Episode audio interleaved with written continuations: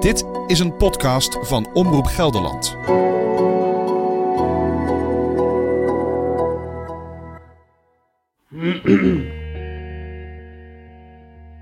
Kom een beetje dichterbij. is- Is het moeilijk? Nee.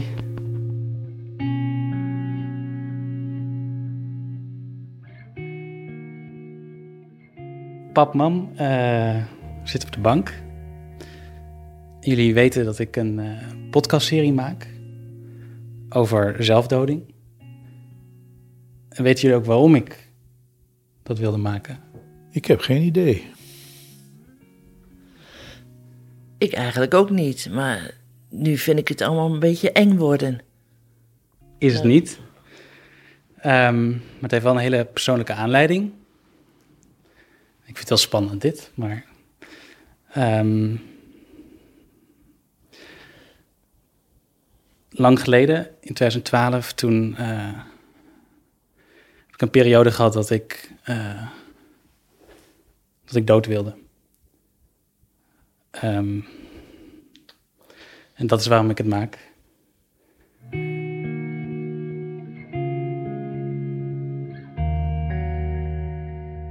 En ik vertel jullie dit omdat ik ehm, niet wil dat jullie het straks pas horen in de podcast.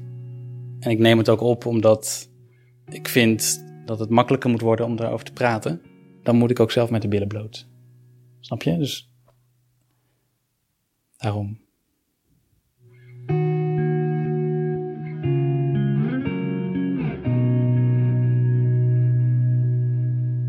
Ik heb nooit een poging gedaan of iets. eh, gelukkig.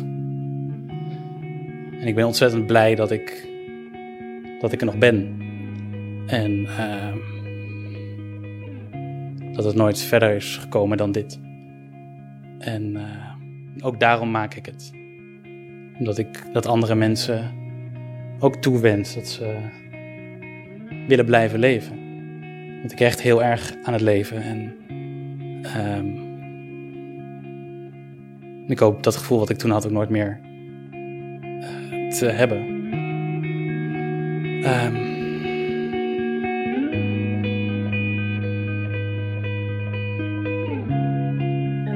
was het in 2012? Wat was er toen gebeurd? Waarom kwam je er niet mee bij ons? Omdat je. eh, ik heb het bijna niemand verteld. maar je hebt nooit wat laten merken. Wij hebben nooit wat gemerkt. Nee. En dat vind ik dan, ja, ja, ik kan nou wel, ja, ik vind het verschrikkelijk om dit te horen. 2012, wat lang geleden, zeven jaar geleden. Dan hadden we je toch heel mooi wat kunnen helpen of wat vaker eens eventjes komen of elkaar helpen. En dat vind ik heel moeilijk, dat vind ik heel erg. Zoals ik zei, ik werd destijds dus bijna niemand verteld. En ehm, het is gewoon niet voor de hand liggend om mensen te vertellen dat je dood wil. Dat is niet iets waar mensen makkelijk met elkaar over praten. Dat is een taboe. Dus het heeft helemaal niets met jullie te maken. En ik vertel het, wilde juist ook dus open over zijn, omdat ik hoop dat als ik ooit toch weer zo'n gevoel mocht krijgen, dat ik dan wel bij jullie aanklop. Alsjeblieft. Goh. Wat eh, gaat er in jouw hoofd om? Ja, dit is natuurlijk een hele grote verrassing. Dit hadden we natuurlijk helemaal niet voorzien. Wat, wat vind je ervan dat ik, dat ik het voor me heb gehouden, dat ik het niet heb verteld? Kun je je daar iets bij voorstellen of vind je dat moeilijk? Ik had gehoopt dat wij toch een dusdanige relatie zouden hebben dat je zelfs dit soort onderwerpen met je ouders zou bespreken. In ieder geval zou aangeven, ik vind dat ik niet goed in mijn vel zit. om maar mee te beginnen. Nou, volgens mij heb ik dat wel gezegd, maar dit is dan weer een volgende stap. En ja, Je, je bent heel goed in toneelspelen, blijkt nu wel, want zover hadden wij dit nooit. Nee. Dit hadden we niet gezien. Dat het zo diep zat.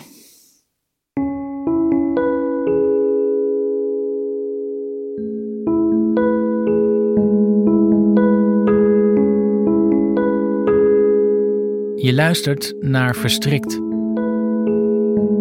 Een podcastserie van Omroep Gelderland, gemaakt door mij, Maarten Dallinga.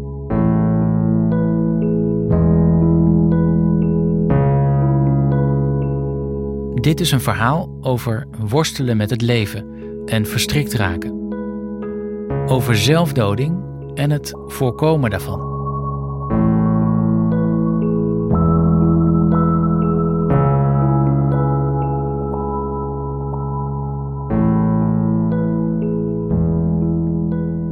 De urgentie van het probleem is eigenlijk idioot groot. Ruim 1800 mensen in Nederland komen in 2018 om door zelfdoding. Ongeveer evenveel als in 1953 overlijden door de watersnoodramp. Je zou kunnen zeggen, ieder jaar opnieuw een watersnoodramp in Nederland door suïcide. Door zelfdoding overlijden gemiddeld vijf mensen per dag. Als je dat vergelijkt met verkeersdoden, ja, is het dus ook in dat opzicht een veel groter probleem. Als je dan nog een slag verder gaat kijken en, en weet dat er waarschijnlijk zo'n 140.000 mensen per jaar op de een of andere manier een poging doen om een einde aan hun leven te maken. En onderzoek heeft aangetoond dat er tussen de 4 en de 500.000 mensen per jaar overweegt om een einde aan hun leven te maken. Groningen en Eindhoven bij elkaar.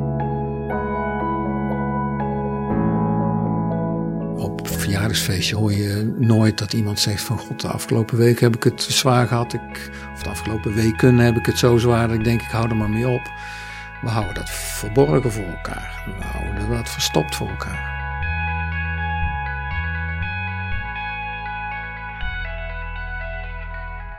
Aflevering 1. Hoe is het om suïcidaal te zijn? De fuik.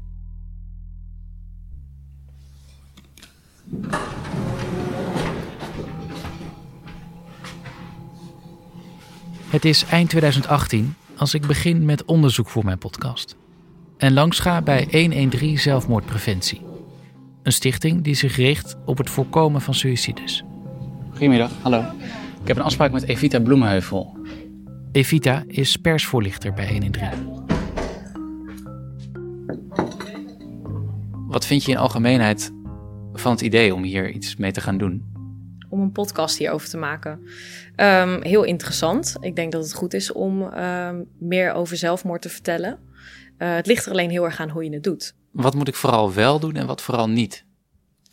Um, nou, vooral niet is informatie geven over methodes, locaties, uh, ja, hoe je mogelijk een einde aan je leven zou kunnen maken. Um, omdat dat mensen op een idee kan brengen. Dus dat kan gedachten triggeren. En ervoor zorgen dat dat, uh, nou zeker als iemand daar wat gevoeliger voor is of daar al een tijdje over nadenkt, dat dat net een laatste zetje kan zijn. En dat, daar moet je gewoon ver van weg blijven. Mm -hmm. Ja, dus mensen weten de methode vaker wel, maar door het opnieuw te benoemen, kan dat het wel weer aanwakkeren. En wat moet ik vooral wel doen? Ja, wat je vooral wel moet doen, is uh, verhalen uh, verspreiden over hoop. Ik denk ook aan mezelf, ja. want dit thema houdt me heel erg bezig. Gewoon omdat ik journalist ben en hier iets moois van wil maken. Iets waardevols ook. Mm -hmm. Maar het raakt me persoonlijk ook, merk ik. Ik uh, heb er laatst zelfs uh, over gedroomd. Ja. nu droom ik wel eens vaker over mijn werk. Mm -hmm. uh, maar dat vond ik in dit geval niet zo fijn. Heb je nog tips voor mij? Hoe kan ik ervoor zorgen dat het voor mij een beetje draaglijk wordt de komende maanden? Ja, nou, door erover te praten eigenlijk. Ja, zeker op het moment als het je toch, als je merkt dat het je bezighoudt, uh, vertel gewoon met, aan mensen dat je hiermee bezig bent, dat het iets met je doet. Um, schrijf het op. Um, ja, ga vooral kijken van, hey, hoe komt het dat het toch iets met mij doet? Ja. Um, maar op het moment dat je daar, dat je dat voor jezelf houdt, kan, kan dat juist het alleen maar groter maken. Ja, uh, ja dus praat erover. Ja, met vrienden of bel desnoods een keer hier naartoe. Ja, iedereen mag hier komen. Ja. ja. Heb je hier uh, iets aan? Ja, zeker. Ja, ja absoluut. Ja, en dat je erover droomt, is heel normaal hoor.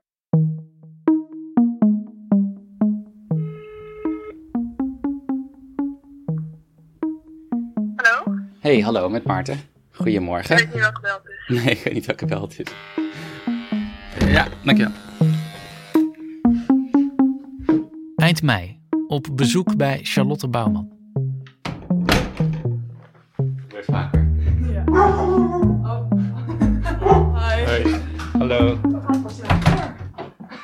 Charlotte is journalist en schrijft een boek over haar suicidaliteit en ervaringen met de zorg. Wil je koffie? Uh, lekker. Um, ik ben Charlotte, ik ben 25 jaar. En naast haar ligt Bobby, Charlotte's kwispelende grote vriend. Een labrador. Hij is bijna drie, maar hij denkt dat hij nog een beetje een baby is. zat gewoon daar op de bank. De avond voor ons gesprek was Charlotte nog suicidaal. Ik had met iemand afgesproken en die had dan op het laatste moment afgezegd. En dat is dan voor mij heel moeilijk, omdat ik dan... Uh, ja, vooral in de avond krijg ik gewoon dat ik heel erg ga nadenken van... Is het nou wel slim dat ik met dat boek bezig ben? Uh, tegelijkertijd komen ja, die traumabeelden waarvoor ik in therapie ga. Ik wil dan ook niet dat andere mensen mij zo zien, want ik vind mezelf dan echt verschrikkelijk. Het ene moment heb ik een beetje die herbeleving en dan, dan kan ik daar soms echt best wel fysiek op reageren. Dus dat ik echt een beetje op mezelf ga slaan of zo. Of een beetje, dat ik een beetje ga spartelen, een beetje die, tegen die herbelevingen ga vechten. En het andere moment lig ik gewoon helemaal doodstil. Want dan, dan ga ik dissociëren. Dat is dat je zeg maar uit contact raakt. Zodat, zodat ik niet echt meer contact sta met die gevoel. Ja, dat is heel ingewikkeld. maar uh, dan lig ik juist helemaal stil. Maar ik denk dat je sowieso wel aan mij ziet dat het niet goed gaat. Maar stel, er had dan iemand aangebeld. Ja, volgens mij gisteren had ik zelfs eten besteld. En dan doe ik gewoon even heel normaal de deur open alsof er niks is. Want ik wil gewoon, ja, ik weet niet. Ik wil gewoon niet dat andere mensen dat zien. Tover je een lach op je gezicht? Ja, ja. We zitten aan de eettafel in de kleine woonkamer op één hoog. Bobby met een rode boerenkiel om zijn nek ligt tevreden op de bank. Charlotte is het tegenovergestelde van grijze muis. Ze draagt een lange rok met zebraprint. Haar haar is blond, grijs en blauw. Haar nagels dragen vrolijke kleuren. Zie je Charlotte voor het eerst, dan zou je haar zomaar in het hokje vrolijk en levenslustig kunnen plaatsen. Volgens mij ben ik uh, ongeveer 13 keer opgenomen geweest. Alle keren dat ik werd opgenomen was ik suicidaal. Nou, ik zeg altijd van het gaat nu wel goed. En als je gewoon kijkt naar over het algemeen, dan gaat het ook wel echt goed. In juli is het een jaar geleden dat ik voor het laatst een zelfmoordpoging heb gedaan. Het is begonnen zes jaar geleden of zo. Het allerlangst. Dus daar ben ik echt super blij mee. En daar heeft het boek ook zeker zijn invloed op. En, en Bobby. Maar um, nou, toevallig deze week gaat het niet heel goed. En dat komt... Uh, mijn eigen psycholoog die is weggegaan een paar maanden geleden. En daar heb ik het gewoon heel moeilijk mee. Ik wacht nog steeds op een behandeling. Ik sta nu anderhalf jaar op de wachtlijst en ik moet nog een half jaar wachten. Met haar kon ik dat wel aan, zeg maar, dat wachten. Gisteravond drongen haar herinneringen aan misbruik zich weer op. Die suicidaliteit is dan een manier om dat te stoppen. Ik denk dat het eigenlijk zo is dat ik overdag ook al met die dingen bezig ben, maar dat ik het dan heel erg van me afschuif. Om, de, om gewoon te kunnen functioneren. Daar ben ik heel goed in. En dan s'avonds uh, komen die gedachten allemaal tegelijk. Dan wordt, kan het gewoon heel snel heel erg hoog oplopen.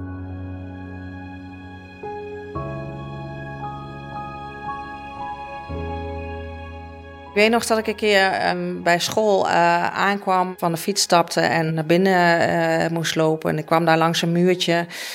En ja, ik weet nog dat ik op dat muurtje ben gaan liggen omdat ik gewoon zo moe was en gewoon zo geen zin had om uh, naar binnen te gaan en ook eigenlijk niet wist toen ik er eenmaal lag hoe ik ooit nog weer op moest staan om toch naar binnen te gaan en mijn lessen te gaan volgen. Dit is Masha Gesthuizen uit Arnhem. Ze is 50 jaar en was het grootste deel van haar leven suicidaal. Als ik terugdenk, de eerste keer dat ik echt uh, suicidale gedachten heb gehad, dat was in HAVO 4. Weerstand tegen alles en gewoon ja, het, het nut er niet van inzien om, om nog door te leven. Masha's studententijd in Groningen, waar zij geneeskunde studeert, kenmerkt zich door steeds weer terugkerende momenten van depressie en eenzaamheid. Ik heb heel wat nachten door Groningen gezworven omdat ik niet sliep en mijn hoofd maalde. En ja, ik ook niet zo goed wist hoe ik nou mijn leven in moest richten. En dan ging mijn hoofd op hol. En dan, dan kwamen er steeds meer negatieve gedachten. Gedachten van, um, wat doe ik hier, wat moet ik hier, ik hoef hier niet te zijn, uh, waar is het goed voor?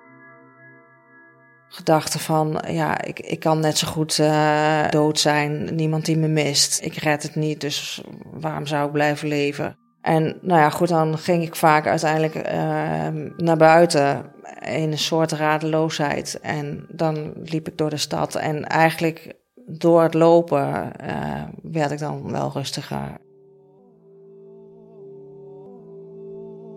Op het moment dat het echt chaos in mijn hoofd is, dan gebeurt er ja, een heleboel.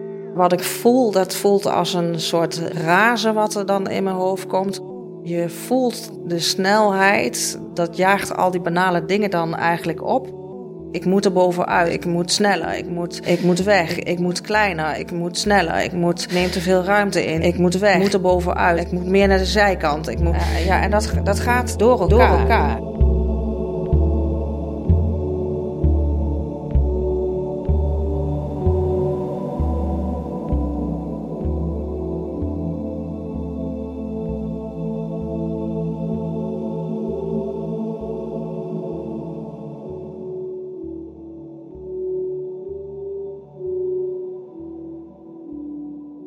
Ondanks haar psychische problemen lukt het Masha om op te klimmen tot huisarts.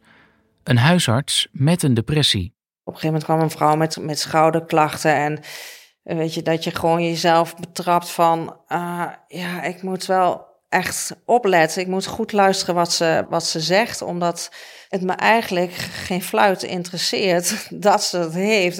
Ik denk van, ja joh, neem een pijnstiller en, en hoepel op. Maar omdat je gewoon zelf helemaal geen, geen moed op kunt brengen om, uh, ja, om, om goed te luisteren en uh, die klachten gewoon goed op een rijtje te zetten. Uh, wat zo'n patiënt natuurlijk wel verdient.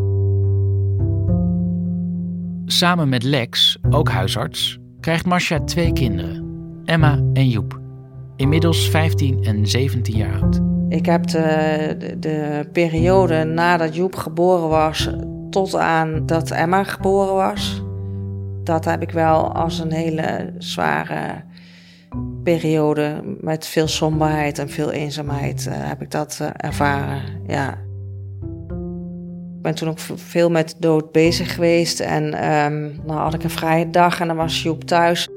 Joep was gek op boekjes voorlezen en, en ik, ik heb er ook nog echt zo op mijn netvlies dat hij echt met het ene boekje na het andere uh, aankwam zetten. Wat hij dan voor wil, uh, gelezen wilde hebben. En ja, ik was dan gewoon niet bij machten om, uh, om, om, nee te zeggen. En ik zat hem dan maar huilend voor, voor te lezen. En het was van, nee, niet weer een boekje. Nee, ik wil niet voorlezen. Nee, kom nou niet, ga nou even, ga nou even zelf spelen. En tegelijkertijd gewoon uh, al dat schuldgevoel van... Uh, waarom denk je zo lelijk over je kind? Waarom moet hij weg? Uh, dat is toch normaal dat hij voorgelezen wil worden? Je moet dat doen.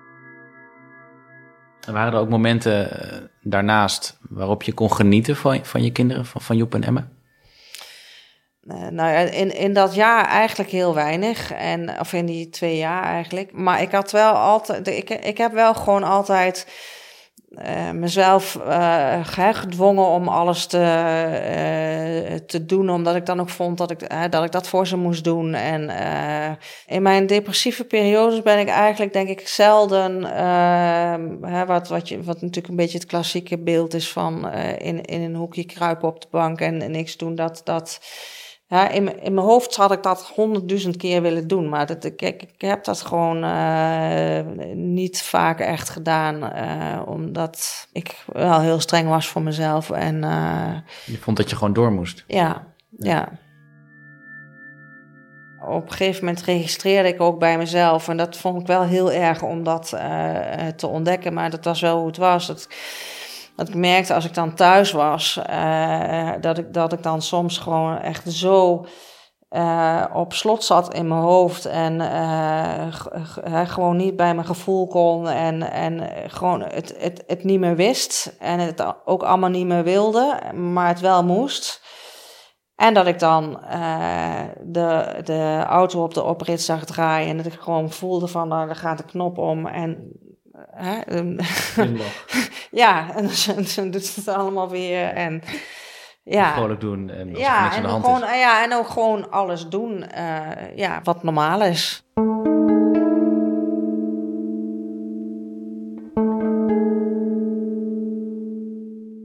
Hoe maak je een serie over zelfdoding zonder dat je publiek totaal murf geslagen wordt?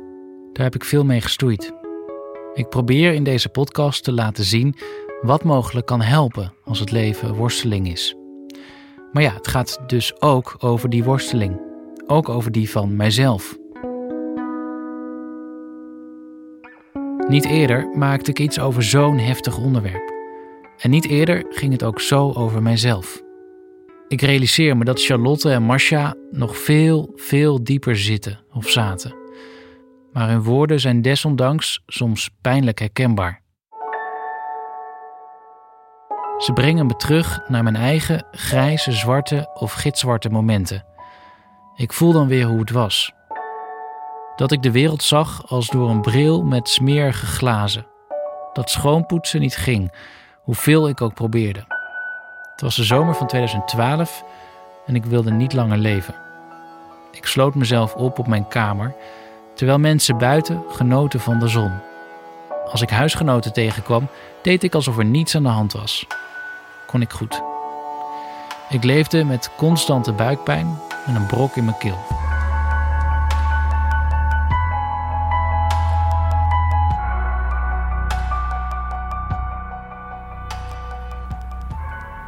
Heb je een poging ook gedaan? Nee. Nee. Nee. En eh, eh, heb je het eh, afgelopen half jaar er ook nog aan gedacht? Ja. Ja, ik ook hoor. Dit is Ton Baakman. Je gaat hem veel horen in mijn serie. Ik denk elke dag aan zelfmoord en ook aan mijn eigen zelfmoord wel. Dat ik me altijd bewust ben van het feit dat ik, ik kan alles doen. En dat, dat is voor mij herkenbaar. Niet dat ik dat dan ten diepste wil, geloof Nee, ik. Maar die gedachte, Maar die gedachte komt wel ja. helemaal op.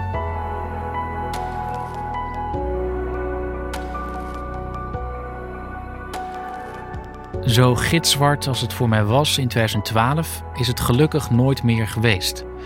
Althans, nooit meer wekenlang, zegt mijn herinnering. Mijn gemoed gaat nog wel steeds op en neer. Zo ging het in april, toen ik Ton sprak, minder goed dan nu. Op slechte dagen denk ik, hoe lang nog tot ik naar bed kan? Laat me slapen, dan hoef ik het leven niet te dragen. Volgens mij moet je daar niet over zwijgen, moet je daarover over praten. En eh, door daarover te praten krijg je hopelijk van andere mensen, bij deze ook van mij, eh, de boodschap van, joh, dat zou ik wel heel jammer vinden als je dat zou doen. En als je, als je er nou nog vaker last van hebt, bel me dan eens even op. Dan gaan we gewoon een kopje koffie drinken. Want dat is waar het om draait. Dat Ja. we weer een beetje de verbinding houden met de mensen om je heen. Dat houdt je denk ik wel in de wereld. Maar dit is waar het om draait, dat je erover praat. En praten, dat heb ik veel gedaan met Ton. Ruim 20 jaar geleden, in 1997, verliest hij zijn moeder aan zelfdoding. Aleida Henrika Baakman-Wultjes. Ze wordt 64 jaar. Beste reizigers, precies op tijd zullen we 15 uur 47 via spoor 4A station Nijmegen binnenrijden. Nijmegen is de eindbestemming van deze trein en nu wordt vriendelijk verzocht hier om een Dit weghalen. Zo. Zo. nou moet ik lachen als je dat ding voor mijn neus houdt hoor. Dus, eh, Het went vanzelf. ja. Dit is de eerste keer dat ik Ton ontmoet. We gaan met zijn auto van Nijmegen naar zijn ouderlijk huis, waar zijn moeder overleed. Ton maakte zo'n 20 jaar geleden vanaf de zijlijn mee hoe het is om suicidaal te zijn. Al realiseert hij zich dan niet hoe slecht het echt met zijn moeder gaat. Eh, ik zei, man, dan gaan we een stukje rijden. Dat vind je leuk, langs de IJssel. Nou, ik had er ook eh, muziek opgezet. De, de planeten van Holst. Dat wil ik haar laten horen. Dat is ook heel mooi. Dus ik zei op een gegeven moment eh, van... Man, moet je nou de komende vijf minuten moet je even... eh, een stukje Jupiter is dat, moet je even luisteren. Dat is heel mooi. En nou, ik zet dat aan. Cassette hadden we toen nog.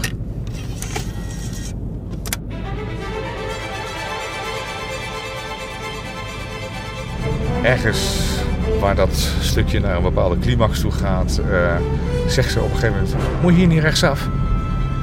En ik zei: Ik werd ik boos. Ik zei, mam, je luistert niet, je luistert niet. En ehm, dat, die frustratie heb je dan. Daar werd ik ook boos. Terwijl ze was toen waarschijnlijk al in haar hoofd al eh, een stuk verder weg als dat ik op dat moment bevroedde. We gingen op zoek naar uh, wat is er gebeurd van tevoren. En we vonden ook pasfoto's die ze een week daarvoor had gemaakt. En ja, ze zag er gewoon echt getroubleerd uit. Heel verward. Heel... Ja, zo van je kijkt naar een geest of zo. Dat was echt eng om te zien, die pasfoto's. Met suicidaal gedrag wordt alles bedoeld tussen overwegen om een einde aan je leven te maken. Dus de intentie hebben of het plan hebben of de gedachte hebben over tot en met dingen ondernemen waar je ook uh, werkelijk aan overlijdt. Paul van Hoek uit Malden werkte 10 jaar bij een GGZ-crisisdienst en traint al 15 jaar mensen uit de zorg in het omgaan met suicidaal gedrag. Hij schreef er ook een boekje over. Eigenlijk zegt u dat u dood wilt. Wat maakt volgens hem dat je zo ver komt? Het beeld daarbij is, uh, wat mij betreft, het beeld van een fuik. Waarin, uh, ja, nou, aan hoe je daarmee vissen vangt, je steeds lastiger uit dat proces uit kan. Vaak zie je dat er een opstelsom is van problemen waar mensen niet uitkomen. En ja, door die opstapeling, dat daarmee het risico ook groter wordt op suïcide. Verlies, moedeloosheid, somberheid, wanhoop over de situatie of er alleen voor staan is een heel belangrijke risicofactor. Als mensen weinig of geen netwerk hebben waarmee ze hun problemen kunnen delen, dan gaan de alarmbellen wel rinkelen. Aan het begin van zo'n suicidaal proces dan is er nou ja, de, de, de, de overweging van, nou ja, als ik hier niet meer uitkom, dan ben ik net zo lief dood. En aan het eind van dat proces, in het puntje van de fuik als je wil, dan is er eigenlijk niks anders meer dan ja, dood willen of bezig zijn met hoe dat dan moet, moet gebeuren. En um, geen ruimte meer voor allerlei andere zaken die met het leven te maken hebben. Toen belde ik uh, op een gegeven moment de crisisdienst. Ik voelde me echt heel suicidaal. Gisteravond? Ja. Um, maar tegenwoordig, ik ben gewoon nog best wel vaak suicidaal. Alleen het gaat nu gewoon goed omdat ik nu, nu eruit kan komen, zeg maar. En dus niet meer ja, er naar handel. Gisteren was wel echt dat ik dacht van, uh, dat heb ik ook volgens mij gezegd tegen die man. Hij zei van, ja, maar je, je weet toch van, je zegt dat het nu slechter gaat, dus dan is het ook beter gegaan. En toen zei ik van, ja, maar altijd als het zo slecht gaat, dan gaat het pas beter als ik of een poging doe of ik word opgenomen. En dat zijn alle twee dingen die ik niet wil. Dus dan word ik, ben ik wel echt heel wanhopig van welke van de twee wordt het, zeg maar. Hm. Dus ja, ik ben wel blij dat het uh, allebei niet is gebeurd. Maar uh, nee, op dat moment twijfel ik daar wel echt aan. Wat waren jouw gedachten over dit interview eigenlijk? Gisteravond eh, zat je op die bank. Dan begin ik meteen te denken, oh nee. Oh, um, nou het was meer dat ik dacht van ja, het zou een beetje stom zijn als ik dat interview moet afzeggen omdat ik ben opgenomen. maar uh, verder niet iets anders erover. Nee. Terug bij Charlotte. Wat maakt haar suicidaal? Nu weet ik dan dat het een manier is om andere heftige dingen, mhm. andere heftige gevoelens, zeg maar, niet te voelen. Dus dan ga ik suicidale plannen maken in mijn hoofd als een soort van afleiding. Want dat is eigenlijk het ultieme, de ultieme vlucht van iets, zeg maar. Je stopt alles daarmee, dus eigenlijk al het andere maakt niet meer uit. Suicide is het beëindigen van je leven. Dus daarmee denk je na over iets dat per definitie groter is dan alle andere problemen. Dus daarmee maak je de andere problemen kleiner. Ik kwam eerst gewoon bij een psycholoog omdat er één ding was gebeurd toen ik 19 was. Toen ben ik verkracht. In het jaar daarna werd ik gewoon echt heel depressief en ik was heel veel afgevallen en sloot mezelf gewoon erg op en zo. En toen ging ik gewoon een beetje vertellen en zij ging ook vragen van of ik wel suicidale gedachten had en zo. En ik had dat heel erg. Maar ik dacht dat dat gewoon wel normaal was. Ook in haar vroegere jeugd zijn er nare dingen gebeurd. Maar daar wil Charlotte liever niet over vertellen. Ik heb uh, een handjevol diagnoses. Ik heb bipolaire stoornis, PTSS, mm, borderline en dissociatieve stoornis, geloof ik. Uh, ja, ik zeg geloof ik, want uh, soms komt er eentje bij, soms valt er eentje af. En soms zit er eentje bij die je moet hebben om een behandeling te hebben, anders wordt die niet vergoed. Ik was wel, denk ik, op mezelf. Ik was wel teruggetrokken. Uh, ik was verzot op paarden. Daar vluchtte ik ook wel uh, uh, naartoe. Masha vertelt hoe ze was als kind. Misschien is, heeft dat ook te maken met depressies die toen wel al speelden, maar nog niet als zodanig herkend werden.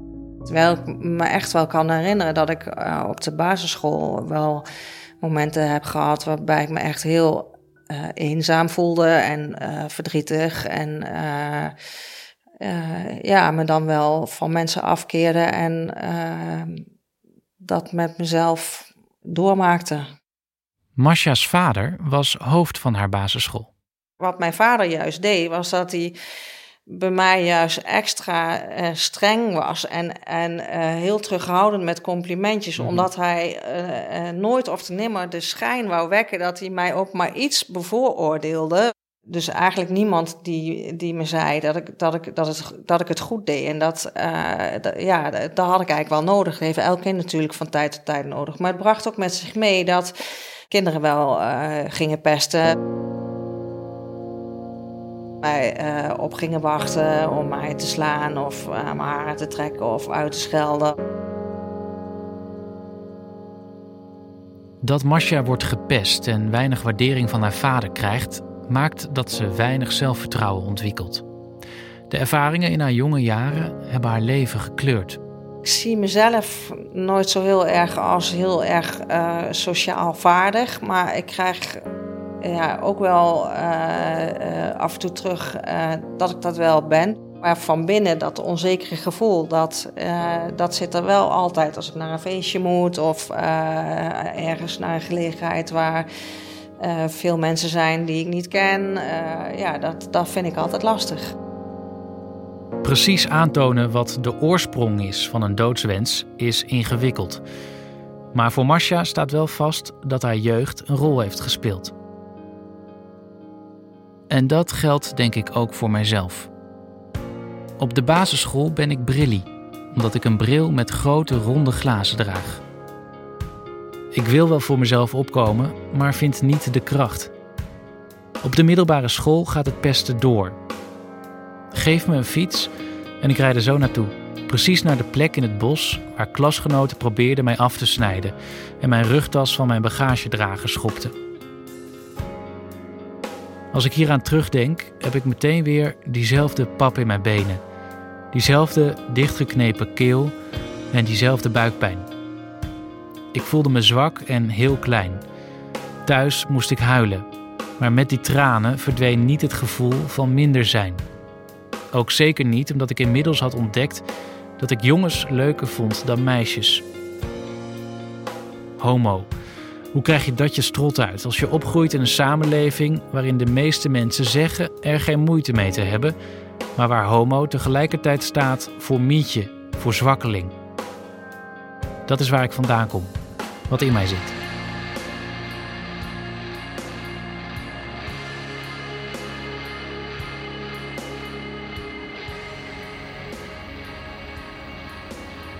Schiet ook door je hoofd van man, stel je niet zo aan. Je weet ja, niet, ja. Nee, joh, ben je belazerd? Dat, weet ik niet. Uh, nee joh, die is me te makkelijk. Zo werkt, zo zit mijn wereld niet in elkaar. Als jij daar last van hebt, dan heb jij daar last van. Ik denk het wel eens, uh, ik zeg het wel eens tegen mezelf. Nee. Stel je niet zo aan. Nou ja, wat ik lastig vind is te beoordelen hoe erg het nou dan eigenlijk met me gaat. Hoe um, helder kan je zijn? Ik bedoel, hoe, hoe, goed, je kan nooit over je eigen geest ja, beoordelen jij, of je wat jij doet objectief... Is hoe, hoe, succesvol ben ik in mijn eigen depressie? Dat moet je helemaal niet doen. ben ik wel genoeg depressief om erbij te horen? Ik heb zo vaak gedacht van het gaat nu niet goed met me. Ja. Dus um, ik um, trap nog een keer harder op het gaspedaal. Ja. Ik zet een stapje extra. En vaak gaat het dan wel weer. Dat was altijd mijn ervaring. Maar op een gegeven moment Ja. dan eh dat bots je heel hard tegen een muur. Ja. De zomer van 2012. Ik heb net mijn vaste baan opgezegd en nog een paar maanden tot het begin van mijn eerste universitaire studie. Maar kan ik dit wel? Mijn vriend is een half jaar in het buitenland. Doodsbang ben ik dat hij me verlaat. Op God kan ik niet meer terugvallen. Ik ben net gestopt met geloven. Te veel twijfel. Het voelt als een bevrijding, maar ook alsof er een fundament onder mij vandaan is gezakt. Ik wankel, voel me onzeker, eenzaam en verloren. En de situatie voelt uitzichtloos. Waarom ben ik hier deze aarde? Wat heb ik te bieden? Hoor ik hier wel? Over die vragen piekerde ik eindeloos die zomer. En dat doe ik soms nog steeds.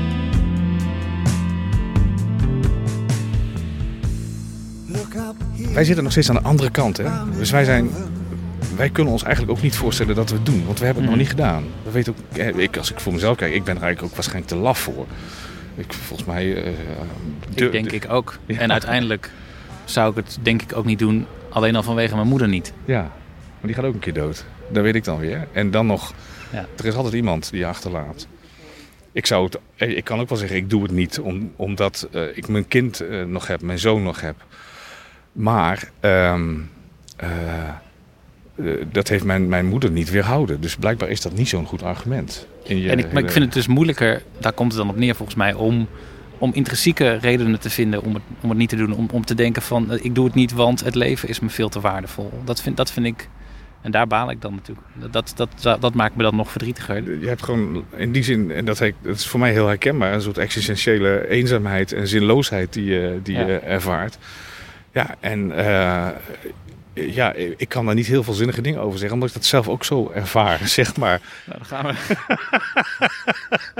Nou, het, het, ehm, ik eh, geniet van, eh, op dit moment wel van eh, dit gesprek en, en de, de glinstering, weet je wel, van de zon en zo. En En het water. de- de- ja, dat is mooi. het water. Maar als jij straks weer, als jou straks op station zet, dan moet ik gewoon tanken en dan vind ik geen reet aan. En dan moet ik eten koken en dan vind ik eigenlijk ook geen reet aan op dit moment. Er zijn af en toe leuke momenten, maar zin is zo complex.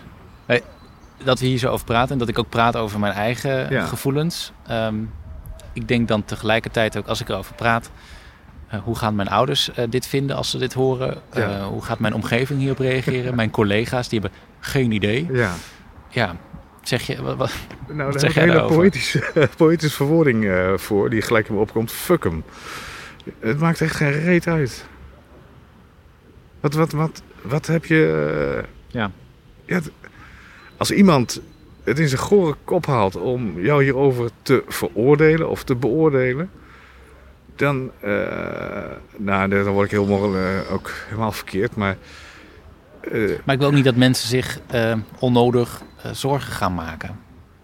Maar zou het niet fijn zijn als iedereen zich een beetje zorgen ging maken om iedereen? Jij, jij verdient het toch ook eh, dat er een beetje zorgen gemaakt wordt om jou?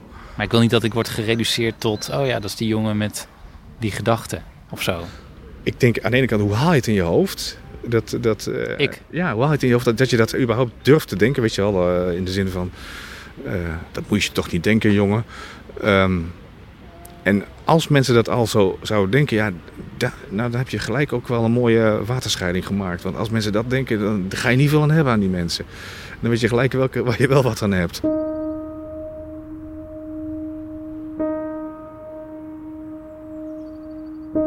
Zelf heb ik gelukkig nooit een suïcidepoging gedaan. Maar wat als je daar wel toe komt? Wat gebeurt er dan met je? Weet je, je hebt gewoon depressie en dan eenzaamheid en dan leegte. En, en daar was ik. Masha deed één keer een poging tot zelfdoding in 2014. Ze heeft dit minutieus uitgedacht en houdt haar plan volledig verborgen voor haar partner Lex en kinderen Emma en Joep. Masha vertelt erover op haar bank. We zitten vlak naast elkaar. Ja, er was gewoon niks meer om, eh, om het niet voor te doen. Ik trok het gewoon niet meer. Het was, het, eh, eh, het, het, was te veel. Het, ik, ik werd gek van de chaos in mijn hoofd. En weet je, alles om je heen vervaagt. Het, het zuigt, het, eh, het, het, het, het nestelt zich in je, in je hoofd en het, het neemt je mee. Als dat gebeurt in een, in een gebied van leegte, dan kom je niks tegen waar je je nog aan vast kunt grijpen. Dus je gaat door. Ik was erheen gegaan, er lag sneeuw, ehm, ja, waardoor alles heel gedempt is. Uh, waardoor de bewoonde wereld eigenlijk nog verder weg lijkt. Ik had dat plan natuurlijk al eerder een keer uitgedacht. ik, ik ben daar uh, naartoe gelopen en ehm, ja, toen kwamen alle, alle, alle beelden opeens van, van Emma, van Joep, van Lex. En uh, ja, dat, dat haalde me gewoon terug. Dat, dat was mijn houvast in, in de leegte dan uiteindelijk toch.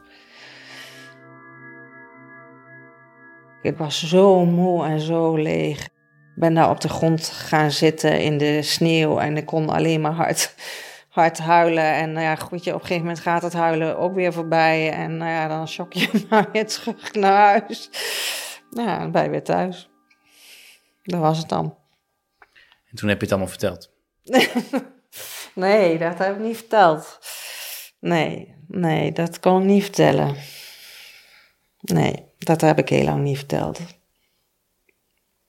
Nee. Wil je met iemand praten over zelfdoding? dan kun je terecht bij 113 zelfmoordpreventie. 0900 0113 of ga naar 113.nl. In aflevering 2. Op een gegeven moment eh, zijn we bijna klaar en trekken we ook de vloerbedekking eruit. En dan vinden we ook nog nou, misschien wel 10 of 12 brieven wat mij wel enorm triggerde was dat ze ergens schrijft van eh, er is één groot geheim uh, waar ik het met niemand over kan hebben.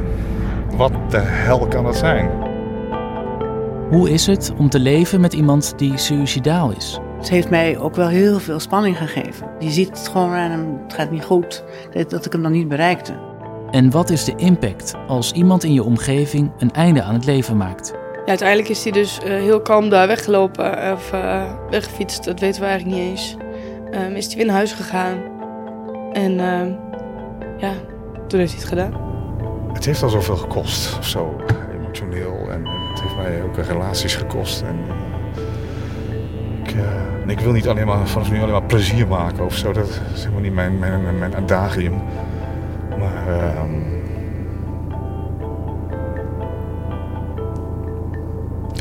Ik voel me zo alleen als ik moet huilen. Dat wil ik niet.